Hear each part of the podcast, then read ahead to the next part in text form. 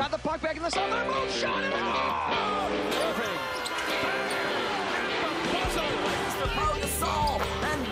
You want to go? Let's go then. Pagan coming in. Dives and he makes the catch. Locker Room, amb Ruth Vilar. Bé, per ser exactes, no anem a Nova York, sinó a Chicago, perquè la Ruth li agrada viatjar i la tenim a Chicago. Com estàs, Ruth? Hola, bona tarda, bona nit per vosaltres. Què fas a Chicago? Doncs que avui parlem de futbol i he decidit que el millor lloc per parlar de futbol als Estats Units és Chicago, on hi ha la Federació Nord-Americana de Futbol. Ah, molt bé, doncs està broma, molt bé, broma. està molt bé això de viatjar simplement per parlar en propietat des del lloc on toca parlar de les coses.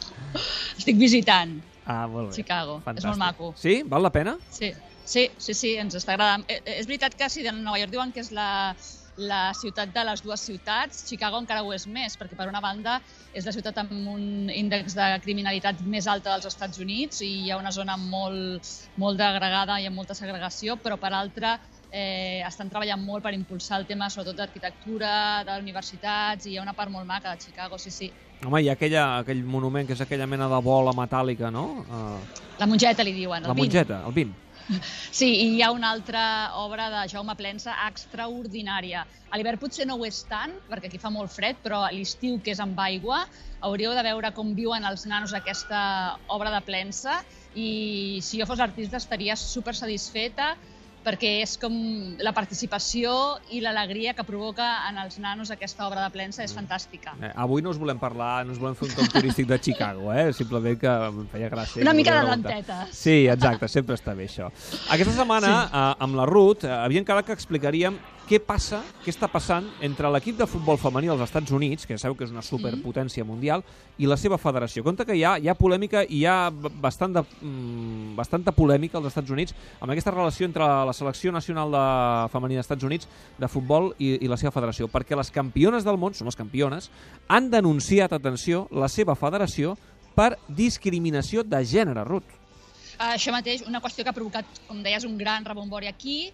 Fins i tot n'hem sentit a parlar als últims mítings que ha fet Hillary Clinton, perquè la dimensió de superestrelles que tenen algunes jugadores nord-americanes eh, és immensa i, a més a més, per la teòrica sensibilitat dels nord-americans també per temes que fan referència a la discriminació per gènere.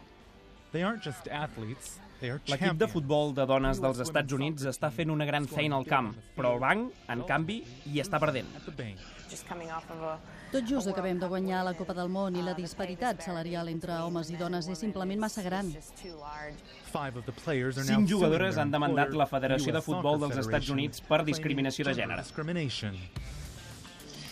Aquí, Ruth, hem sentit aquí, uh, aquí sentíem Carly Lloyd, Carly Lloyd. Sí, que és dues vegades campiona olímpica, campiona del món 2015 i millor jugadora de l'any segons la FIFA i és una de les cares visibles d'aquesta denúncia juntament amb altres quatre companyes més, entre les quals també hi ha noms reconegudíssims com Hop Solo o Alex Morgan. Mm, ah, I què reclamen exactament, Ruth? Doncs remet a la seva denúncia a la Comissió d'Igualtat d'Oportunitats a la Feina. I el que fan referència és a l'informe financer de la Federació de 2015, que diu que tot i que la selecció femenina va generar 20 milions eh, més d'ingressos l'any passat a, que l'equip masculí dels Estats Units, a les dones se'ls ha pagat al voltant d'un quart del que han cobrat eh, els homes doncs, per jugar, per drets d'imatge, per totes aquestes coses. Clar, perquè als Estats Units ara mateix la, les bones, eh, diguem-ne, són les dones, les noies de, del futbol. Eh, són, estan fent mm, eh, millors partits i estan traient millors resultats. De fet, són les campiones del món que no pas la selecció masculina. Sí, sí, sí, exacte. Són, són les que han guanyat eh, més títols, tres mundials i cinc medalles d'or als Jocs Olímpics en els últims anys, les que aixequen més expectació i les que són més un producte de màrqueting i de publicitat. I tot i això, deixem de dir que doni algunes dades, algunes xifres claus per explicar aquesta denúncia. Per exemple, tant la selecció femenina com la masculina juguen un mínim de 20 partits l'any. Doncs per aquests 20 partits, els 5 millors jugadors de l'equip masculí cobren uns 400.000 dòlars de la federació i les 5 millors dones, 72.000. Uau, és a dir, la diferència, diferència. és espectacular.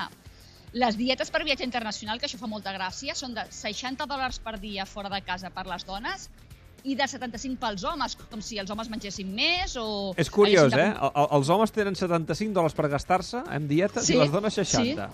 Mengen menys. Sí, sí. Sí, sí, és, és molt curiós. I, I quan la federació fa que una de les estrelles de l'equip femení, per exemple, participi en un anunci que segurament té més demanda que no pas l'equip masculí, li paguen a aquesta jugadora 3.000 dòlars. I, en canvi, quan li demana a un jugador de l'equip masculí, li paga 3.750. I així doncs, anem sumant amb qüestions que no s'entenen. I tot i això, tenint en compte que l'equip femení es calcula que el 2017 aportarà a la federació uns 5,2 milions de dòlars i que l'equip masculí, en canvi, li costarà a la federació al voltant d'un milió. Eh, Fixeu-vos la diferència, eh? Unes aporten, elles, mm. i d'altres eh, implica gastar, eh? en aquest cas un milió d'euros, eh, de dòlars. Eh, I què diu la federació tot plegat? Doncs diu que les xifres totals no són tan diferents entre el que guanyen els homes i el que guanyen les dones. Diuen que entre els jugadors top i les jugadores top només hi ha un 2,2% de diferència a favor, això sí, dels homes i que a part de les prim, en el tema de les primes, per exemple, que també hi ha molta diferència, expliquen que és normal que siguin més altes en el cas dels homes perquè tenen menys probabilitats de guanyar i perquè en el cas d'anar passant rondes en tornejos internacionals, els homes també ingressen més que no, que no pas les dones. Doncs déu-n'hi-do l'embolic, no sé com acabarà Sí. això.